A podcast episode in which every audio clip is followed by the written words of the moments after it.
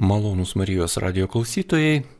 Šioje laidoje dalyvauja socialinių mokslų daktaras, Lietuvos piligrimų bendrijos pirmininkas Darius Liutikas. Taigi, gerbiamas Dariau, apie ką šiandien jūs pasakosite radio klausytojui?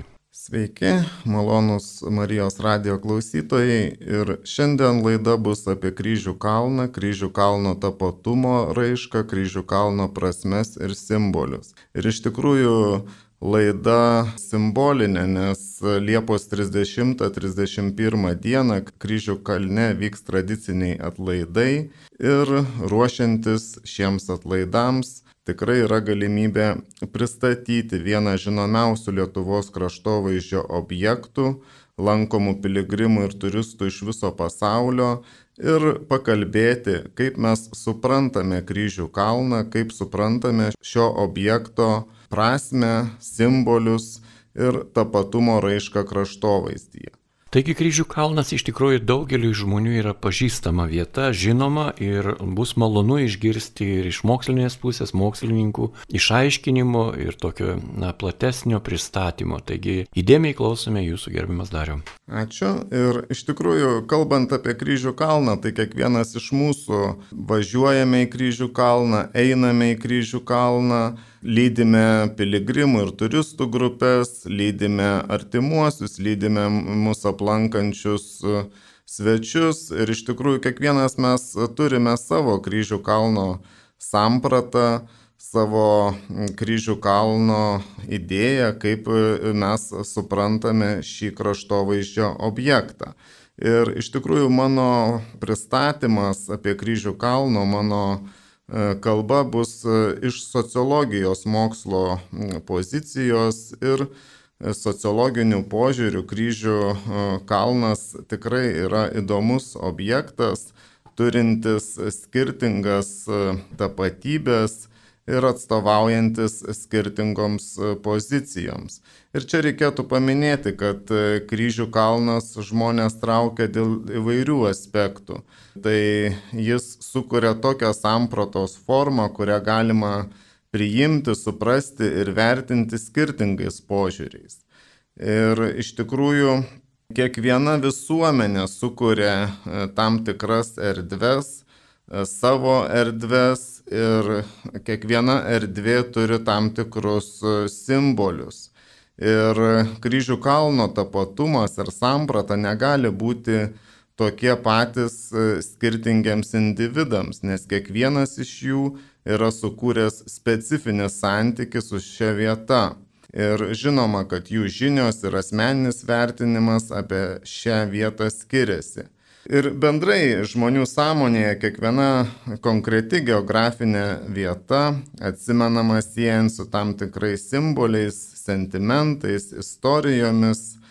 Ir viena yra tartum kultūrinis tekstas, kuriame atpažįstame jo skaitytojų tapatumą, kita yra, kai kuomet vieta suprantama kaip gyvenimo būdo išraiška ir požiūris į gyvenimą. Ir apskritai kalbant, kraštovaizdis yra simbolis persijotos kultūrinio filtro ir maitinamas interpretacijomis bei vertinimais.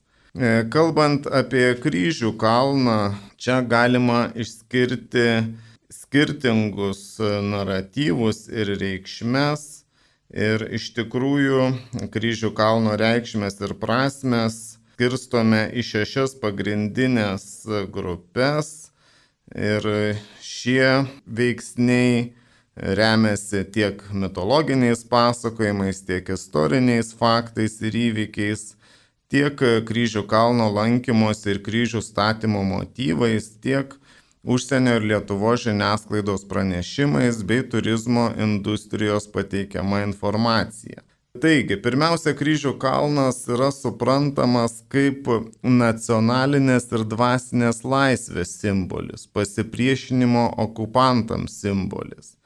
Tai šia prasme kryžių kalnas yra ne tik religinis objektas, bet ir nacionalinės bei dvasinės laisvės simbolis. Šis simboliškumas susijęs ir su kryžių kalno pradžia, kai viena iš versijų teigia, kad pirmieji kryžiai čia pastatyti siekiant pagerbti 1831 metų ir 1864 metų sukilimų prieš carinę Rusiją aukas. Kitas pasakojimas teigia, kad 63 metais kazokai užėmė ant kryžių kalno esančios koplytėlės duris ir viduje besimeldžiančius sukilėlius ir per tris dienas jie užpylė koplytėlę kartu su sukilėliais piliakalnio žemėmis. Laikui bėgant supuvo medinės koplytėlės gegnės, žemės įsmuko ir todėl piliakalnė atsirado įdubar skilė, aplink kurią žmonės pagerbdami gyvus palaidotus sukilėlius pradėjo statyti kryžius. Taigi toks kryžių kalno tapatumas susijęs ir su kitais istoriniais, religiniais ir politiniais įvykiais, tokiais kaip pasipriešinimas sovietų okupacijai. Ir šis pasipriešinimas sovietams stiprino simbolinį kryžių kalno vaidmenį ir šios vietos tapatumo sampratą. Galime prisiminti, kad sovietmečiu įvairios procesijos į kryžių kalną, o ypač kryžių statymas, buvo nemenkas iššūkis komunistų administracijai ir gan didelis skaičius jaunų žmonių ir studentų, ypač 79-90 metais dalyvaudavo piligriminėse kelionėse į kryžių kalną Už tokių kelionių organizavimą keletas aktyvistų buvo nuteisti ir įkalinti. Ir kuo didesnės buvo dedamos pastangos sunaikinti kryžių kalną, tuo energingiau jis buvo atstatomas. Žmonės nepaisydami pavojų, draudimų ir persekiojimų kryžių statė naktimis. Taigi kryžių kalnas kaip pasipriešinimo ir kovų už laisvę vieta buvo naudojamas ir daug anksčiau. Ir 14, 14 e, amžiuje čia stovėjusi Kulių pilis buvo pasipriešinimo kryžiuočiams vieta. E, tad 20 amžiuje ši ankstesnė kryžių kalno fizinės apsaugos funkcija transformavosi į dvasinės apsaugos stiprybės vilčių išsipildymo vietos sampratą. Tai čia buvo kalba apie pirmąją kryžių kalno tapatumo sampratą, tai kryžių kalnas kaip nacionalinės ir dvasinės laisvės simbolis, pasipriešinimo okupantams simbolis. Kita tapatumo samprata tai yra, kuomet kryžių kalnas suprantamas kaip asmeninio ir tautinio atgimimo simbolis. Kryžių kalnas yra šventa vieta, kurioje galima apmastyti savo tapatumą, atsinaujinti. Į kryžių kalną keliaujama svarbiausiamis gyvenimo dienomis, pavyzdžiui, vestuvių dieną. Taip įamžinamas perėjimas iš vieno gyvenimo etapo, etapo į kitą. Taigi kryžių kalnas tampa perėjimo ritualų vieta, lengstinės būsenos vieta. Net keletą šaltinių nurodo, kad kryžių kalno pradžia yra susijusi su stebuklingu išgyjimu. Manoma, kad pirmasis kryžius čia buvo pastatytas apie 1850 metus. Viename vietos pasakojime teigiama, kad tėvas turėjo sergančią dukrą, kuriai jau niekas negalėjo padėti. Vieną dieną, kai pavargęs ją slaugyti tėvas užmygo, jis susapnavo sapną, kuriame spindinti moteris jam tarė. Jei nori, kad tavo dukra pasveiktų, tu turi pats padaryti kryžių, nunešti jį į pilies kalną ir ten pastatyti. Tėvas taip ir padarė. Jo kryžius buvo labai sunkus, užnešti jį ant kalno ir ten pastatyti reikėjo 13 valandų. Tuomet jis pabučiavo kryžių ir grįžo namo. Pakeliui jis sutiko pasveikusią dukrą. Ji pasakė, kai, kad kai jis išėjo statyti kryžiaus, ji pasijuto geriau, o kai jis pasiekė kalną, ji išlipo iš lovos. Yra ir daugiau panašių istorijų. Ir liaudės pasakojimuose minima, kad e, kryžių kalne yra įvykęs ir švenčiausios mergelės Marijos apsireiškimas, kuris galėjo atsitikti apie 1870 metus. Mergelė Marija apsireiškė vietos vaikams ir pasakė, kad kitą dieną vėl apsireikš tuo pačiu metu ir paprašė vaikų atsivesti suaugusiųjų. Kita diena apsireiškusi atėjusiems žmonėms mergelė Marija paprašė jų kaip tikėjimo ženklą pastatyti toje vietoje kryžių. Ji perspėjo apie ateisiančius sunkius laikus ir prašė šiame kalne statyti kryžius, o ji užtarsinti žmonės prieš aukščiausiai. Tai iš tikrųjų tokios istorijos skatino žmonės ant kryžių kalno duoti pažadus, esant sunkioms gyvenimo situacijoms, o vėliau atsidėkojant statyti kryžius. Tai kryžiai statomi po sėkmingo išgymo iš sunkios lygos, kitais e, padėkos aspektais ir kryžių kalnas e, tapo vieta, kur išreiškiamas dėkingumas Jėzui ir švenčiausiai mergeliai Marijai. Dabar čia žmonės prašo ne tik Dievo malonės, veikatos, dvasinio atsinaujinimo ir nusiraminimo, e, bet e, jie mano, kad kryžiaus pastatymas bus jų naujo dvasinio, fizinio ir ar bendruomeninio gyvenimo ženklas. Atgimimo laikotarpiu 1988-1989 metais Lietuvos žmonės pastatydami ar palikdami kryželį demonstravo norą būti nepriklausomi nuo Sovietų sąjungos. Lietuvai tapus nepriklausoma, kryžių kalnas tapo vieta, kur kiekvienas gali palikti asmeninio dėkingumo ženklą už nepriklausomybę. Taigi, čia e, buvo pristatytas antrasis e, kryžių kalno sampratos aspektas, tai kryžių kalnas kaip asmeninio ir tautinio atgimimo simbolis. E, kitas sampratos elementas arba kryžių kalno simbolinis suvokimas yra tas, kad kryžių kalnas suvokiamas kaip religinio pasišventimo vieta Jo istorija iliustruoja, kad žmonės tengiasi išlaikyti tikėjimą sovietinio teizmo metais. Religinį pasišventimą apibūdina į kryžių kalną vykstančios piligriminės kelionės, organizuojami atlaidai. Kaip minėta, kryžių kalno atlaidai vyks Liepos 30-31 dienomis, kalbamos maldos, gėdamos giesmės, atliekamos kitos liaudės religingumo praktikos. Ir pats kryžius yra krikščionybės simbolis, o kryžių kalnas yra unikali kryžiaus išaukštinimo vieta. Kryžius kaip simbolis dažniausiai tapatinamas su Jėzumi. Tai ir Kristaus kančios simbolis, vėliau tapęs Dievo meilės ir triumfo krikščionių bažnyčios simboliu. Ir iš viso galima išskirti įvairias su kryžių kalnu susijusias religinės praktikas, jos dažniausiai atliekamas pačiame kalne arba jo prieigose.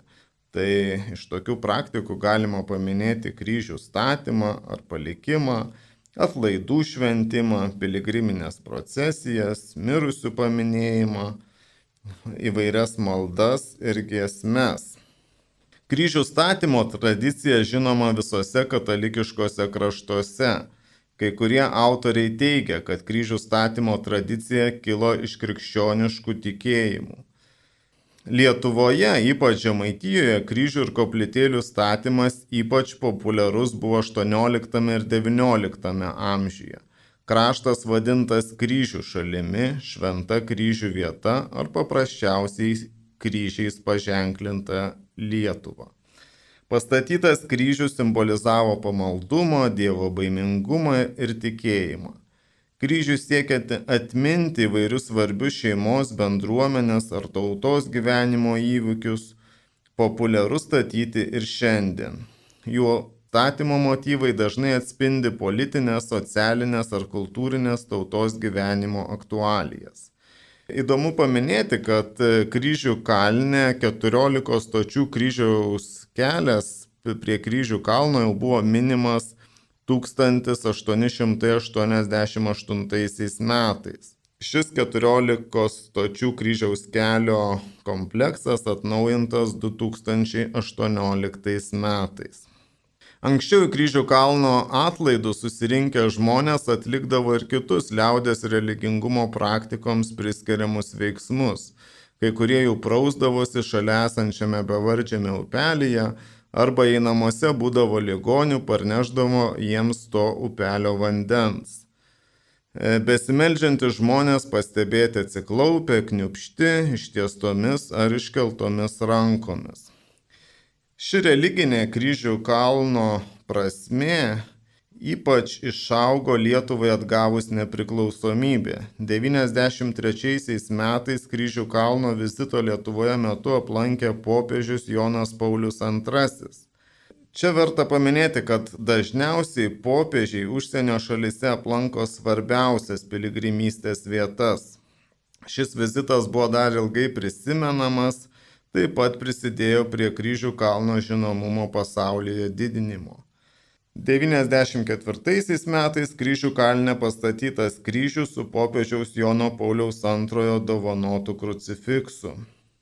1993 metais lankydamasis Italijos Laverna kalno pranciškonų vienuolynė popiežius Jonas Paulius II kalbėjo apie dvasinį šių vietų ryšį ir paragino prie kryžių kalno brolius pranciškonus pastatyti vienuolyną. O 2003 metais, minint popiežiaus Jono Pauliaus antrojo dešimtasias apsilankimo Lietuvoje metinės, pradėtas organizuoti jaunimo piligriminis žygis pėsčiomis iš kryžių kalno į rugsėjo mėnesį Šiluvoje vykstančius atlaidus. Kaip minėta, 93 metais lankydamasis Italijos Laverna kalno pranciškonų vienuolinė, popiežius Jonas Paulius II paragino pastatyti vienuolyną prie kryžių kalno ir šis vienuolynas buvo pastatytas ir pašventintas 2000 metais.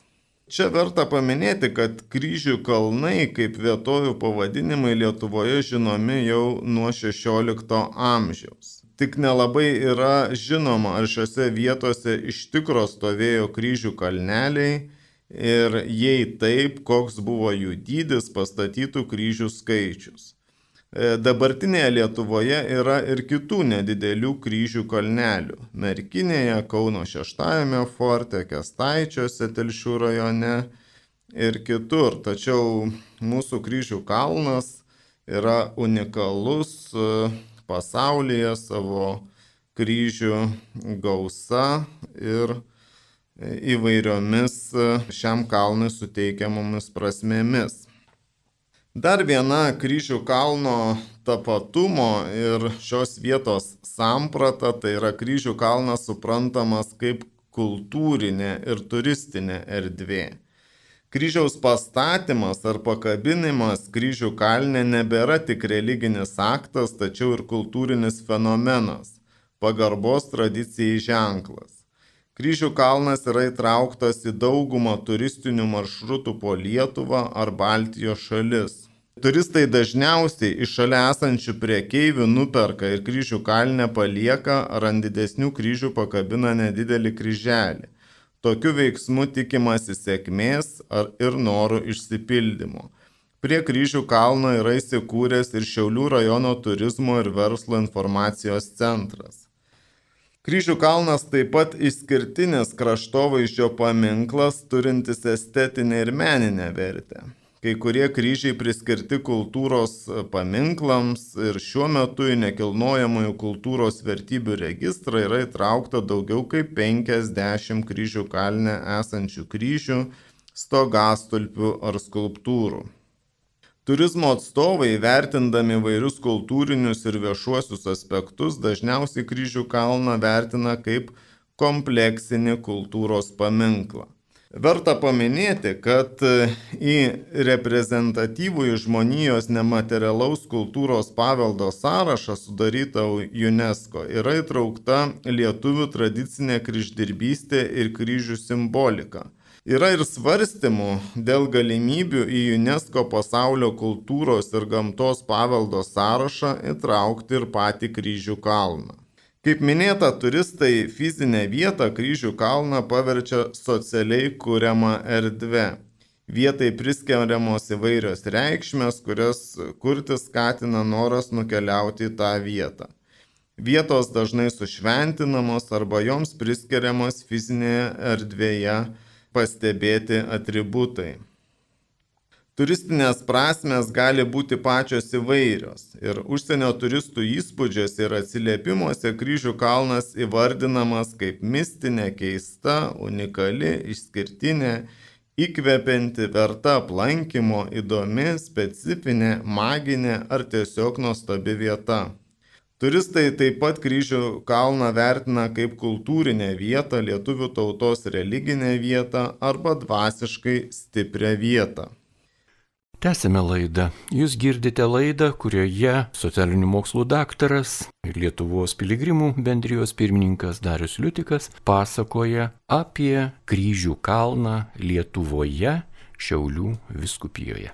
Dar viena e, kryžių kalno sampratos e, dalis yra, kuomet kryžių kalnas suprantamas kaip šiurpa ar baime kelianti vieta. Tai čia iš tikrųjų keletas leidinių ir turizmo portalų kryžių kalną yra įtraukusių į širpiausių pasaulio vietų sąrašą. Ir anot šių portalų labiausiai širpa kelia kryžių kalno aplankimas vakare, vėjuotą dieną, kai girdisi vairūs garsai, kai vėjo siubuojami juda ant didžiųjų kryžių pakabinti mažesni kryželiai ir rožančiai. Vakare ar naktį kryžių šešėliai suteikia paslapties ir baimės. Ir baimės dar galbūt prideda ir keletas ankstesnių mitologinių pasakojimų apie šią vietą. Taip pat kartais po audrų ar žiemos kryžių kalne esantis didesni kryžiai nuvirsta, susidaro chaotiškas kryžių, chaotiškos kryžių sankaupos. Žmonėms, kurie nėra susipažinę su krikščionybės istorija, siaubo gali sukelti ir pamatyti apversti kryžiai. Nors ant tokio kryžiaus buvo nukryžiuotas šventasis Petras, šiandien apversti kryžiai asocijuojasi su antikrikščionybė, satanizmu, protestu prieš status quo situaciją. Dar viena samprata tai yra kryžių kalnas kaip mistinė vieta. Ir kryžių kalno mistiškumas atsispindi įvairiuose pasakojimuose ir legendose. Daug pasakojimų yra apie sugriuvusią ar į kalną nugrimzdusią bažnyčią. Pasak pasakojimų ir dabar girdisi buvusios bažnyčios varpai, gėdojimas. Kitose pasakojimo žmonės yra matę aplink kalną einant procesijas, kurios vėliau išnykdavo, arba atsivėrusias bažnyčios duris į kalną. Pasakojama, kad kalno viršūnės įdubime buvusi skylė, į kurią įmetus akmenį, girdėdavosi tartum akmuo Kristui bažnyčios vidų. Kitas itin paplitęs pasakojimas apie meškuičių kleboną, kuris su apylinkės vyrais kasinėjo į dubimą piliakalnyje ir anočio pasakojimo jie prisikasė iki žemėmis užpiltos bažnyčios stogo. Vienas kasėjas įlindo į vidų ir išnešė kelis liktorius, tačiau naktį klebonas susapnavo, kad jis privalo radinius gražinti. Iš karto klebonas šiuo sapnu nepatikėjo ir toliau tęsė darbus, tačiau vienas iš kasėjų buvo sutrauktas į krūvą. Įsigandęs klebonas liepė iškastuosius liktorius gražinti atgal, pašlakstė šventų vandeniu duobę o sutrauktasis atlikęs apžadus ėjo keliais aplink kalną ir pasveiko. Sovietmečių kryžių statymas kryžių kalne buvo uždraustas. E, sovietinė komunistų partijos administracija kelis kartus suorganizavo kryžių naikinimo akciją. Tai tokios akcijos vyko ir 61 metais, kuomet buvo nugriauta ir sunaikinta apie 5000 kryžių ir 14 kryžiaus kelio stočių 73 metais buvo sunaikinta 400 kryžių, taip pat 76 e, metais vasarą visi kryžiai ant Jurgaičių piliakalnio buvo nugriauti ir dalis piliakalnio buvo nukasta. Tačiau tikintieji naujus kryžius statė naktimis, nesibaimino areštų ir persekiojimų ir nuo 1979 metų organizuotos įvairios eucharistinės procesijos. Paskutinį kartą kryžiai ant Piliakalnio naikinti 1985 metais kovo 15 dieną. Yra daug įvairių istorijų ir pasakojimų apie kryžius naikinusių asmenų tragiškus likimus. Tokie pasakojimai buvo populiarūs tiek sovietmečių, tiek atgavus nepriklausomybę. Žmonės pasakojantys šias mistinės istorijas visuomet pabrėždavo ryšį tarp veiksmo, tai yra kryžių kalno naikinimo, ir vėlesnio šį veiksmą atlikusio asmens likimo, dažniausiai pasibaigiančio tragišką naikintojo ar jo artimųjų mirtimi, neįgalumu ar sunkia lyga. Toks tragiškas likimas buvo vertinamas kaip Dievo bausmė ar neišvengiamas atpildas. Pavyzdžiui, pasakojama, kad ežere nuskendo e, du milicijos viršininko pakilusio ranką prieš kryžių kalno vaikai, o vėliau žuvo ir jis pats. Taip pat nusižudė Šiaulių saugumo viršininkas ir panašiai. Kitas mistinių pasakojimų naratyvas, kai kryžius atsisakiusiai naikinti asmenys išlikdavo nenubausti, atsiversdavo į tikėjimą ir sulaukdavo kitokios malonės. Tokios mistinės istorijos ir šiandien gali turėti ir edukacinį, mokomojo elemento. Tikėtina, e, kad tokios istorijos perspėja, kad e, niekas nedrįstų užsiimti kryžių ar kitų sakralinių objektų naikinimu. Taip pat, e, kalbant apie kryžių kalno reikšmės ateityje, Vėlgi čia galima paminėti, kad e, kaip matome kryžių kalno prasmes ir simboliai yra e, daugia planiai.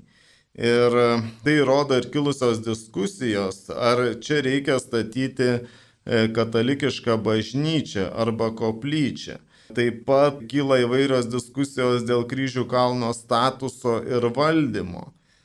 Ir žinoma, kad socialinės grupėms, kurioms artimos vienos ar kitos kraštovaizdžio objekto tapatumo sampratos, nori toliau jas plėtoti ir taip pabrėžti įsivaizduojamą vietos tapatumą.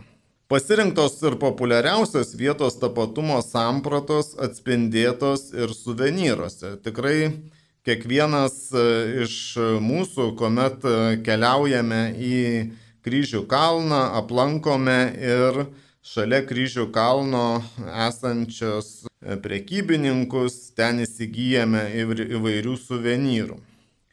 Iš prie kryžių kalno esančių prekybininkų daugiausia galima įsigyti įvairių dydžių ir formų kryžių, atvirukų, magnetukų ir kitų tradicinių suvenyrų. E, tačiau ant daugumos jų yra e, užrašas kryžių kalnas, kuris atviras įvairioms interpretacijoms ir tapatumo sampratam. Tačiau įvairiose informaciniuose tekstuose randami kryžių kalno apibūdinimai artimesni tapatumo sampratai susijusiai su kryžių kalno kaip nacionaliniu ir dvasiniu simboliu. Pavyzdžiui, Nepaisant visko, kryžių kalnas per visą Lietuvos okupacijos laikotarpį išliko didvyriško pasipriešinimo ir tikėjimo laisvės simboliu. Atkūrus nepriklausomybę, ši vietovė virto nepalaužiamo tautos tikėjimo, patirtų kančių ir vilties simboliu.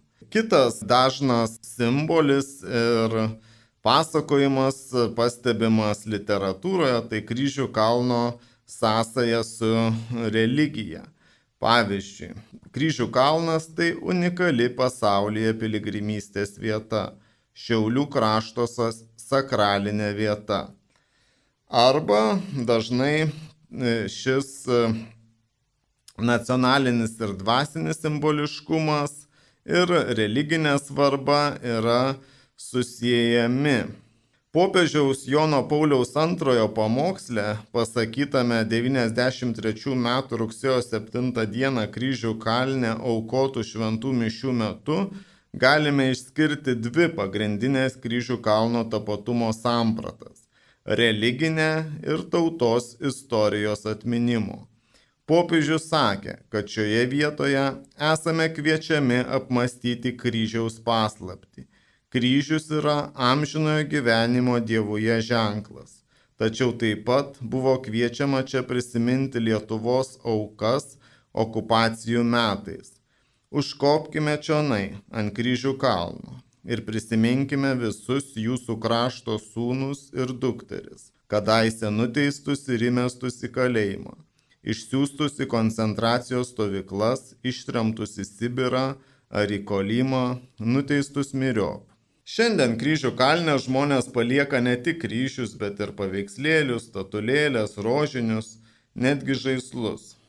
Taigi žiniasklaidoje pastebėtos ir, kri, ir kitos kryžių kalno funkcijos, tokios kaip nereikalingų religinių daiktų palikimo vieta.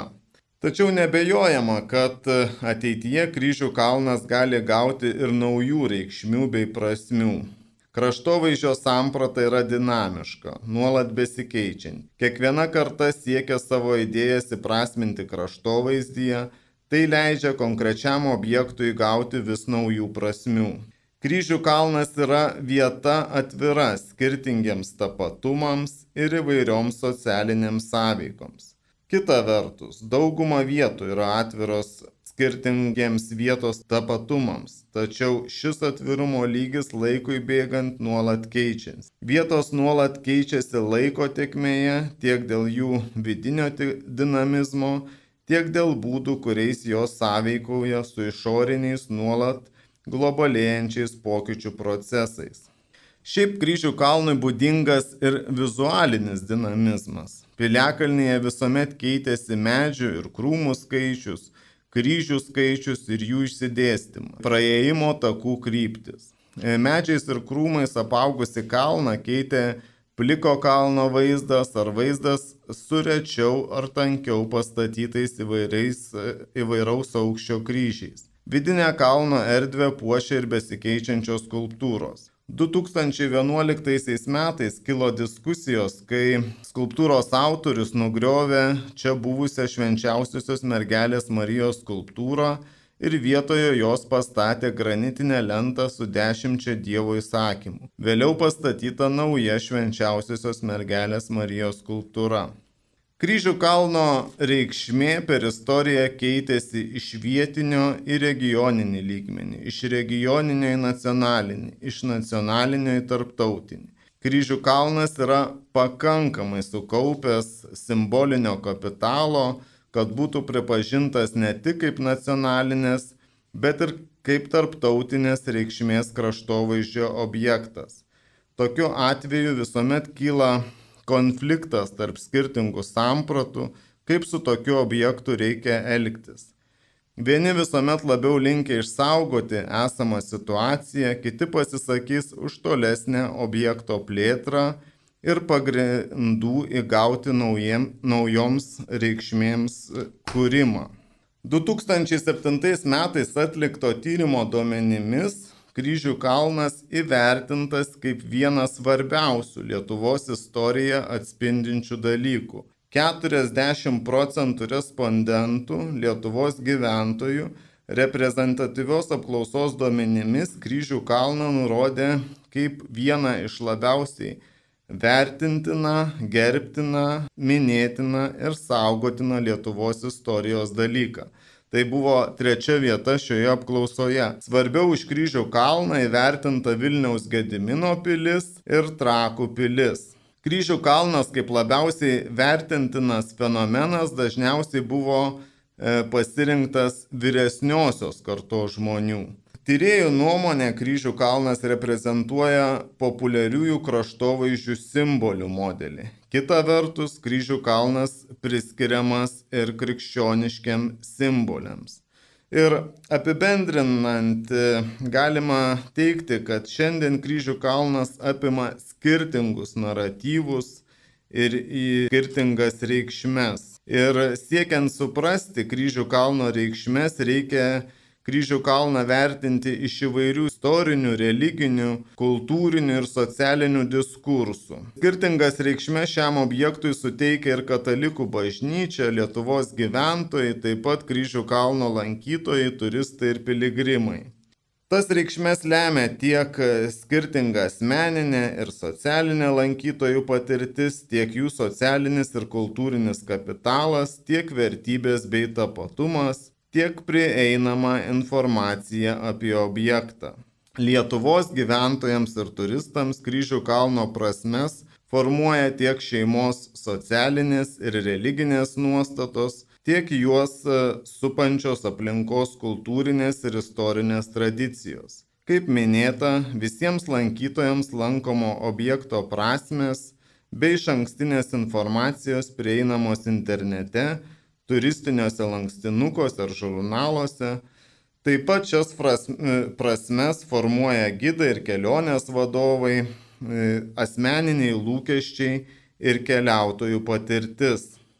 Kryžių kalno išskirtinumas ir unikalumas padeda suformuoti skirtingą šios vietos supratimą. Naratyvai ir reikšmės dažnai yra sumodeliuojami, patobulinami ir išgryninami socialinių interakcijų bei oficialių galios institucijų veikimo. Ir iš tikrųjų, kryžių kalną mes suvokiame skirtingai ir kiekvieną kartą lankydamasi kryžių kalne atrandame savo kryžių kalno supratimą, savo kryžių kalno interpretaciją. Taigi kryžių kalno samprata susipina keliose vertinimo plotmėse tiek istorinėje, religinėje, etnografinėje, kultūrinėje, geografinėje ir kitose. Ir šitą kryžių kalno tapatumo daugiaplaniškumą iš dalies lemia ir jo unikali istorija. Kaip e, minėta, išskyrėme šešias pagrindinės šio kraštovaizdžio objektos simbolinio tapatumo sampratas kuriuose e, vyrauja vienas kuris nors naratyvas, tačiau tas naratyvas persipina su kitais naratyvais. Vietos naratyvai ir simbolinės tapatumo sampratos atsispindi tiek socialinėme, tiek asmeninėme lygmenyse. Šie dominuojantis naratyvai apima nacionalinius ir bendruomeninius, religinius ir mistinius, tautosakinius ir turistinius, kultūrinius ir asmeninius aspektus. Ir visas šių pasakojimų ir įvairių naratyvų kompleksas lemia sąryšius, kad kryžių kalno fenomenas apima skirtingus Lietuvos istorijos ir kultūros diskursus. Fizinė kraštovaizdžio vieta tampa besiskiriančių idėjų, vertybių ir įsitikinimų raiškos vieta. Taigi kryžių kalnui, kaip ir kitiems tarptautinės reikšmės kraštovaizdžio objektams, iššūkiu tampa skirtingų kultūrinių ir įsitikinimų grupių prieimimas, galimybės pateisinti jų skirtingus lūkesčius. Kita vert, kryžių kalnas yra unikalus tuo, kad tai nėra statiškas kultūros paveldo objektas. Prie jo vizualinio vaizdo ir simbolių reikšmių vystimo gali prisidėti visi. Taigi e, linkiu, e, kad e, ir jūs lankydamėsi kryžių kalno atlaiduose, lankydami kryžių kalną įvairiomis kitomis progomis, atrastumėte jums svarbu kryžių kalno tapatumo ir jums svarbes kryžių kalno prasmes ir simbolius. Ačiū, mėlyjei klausytojai.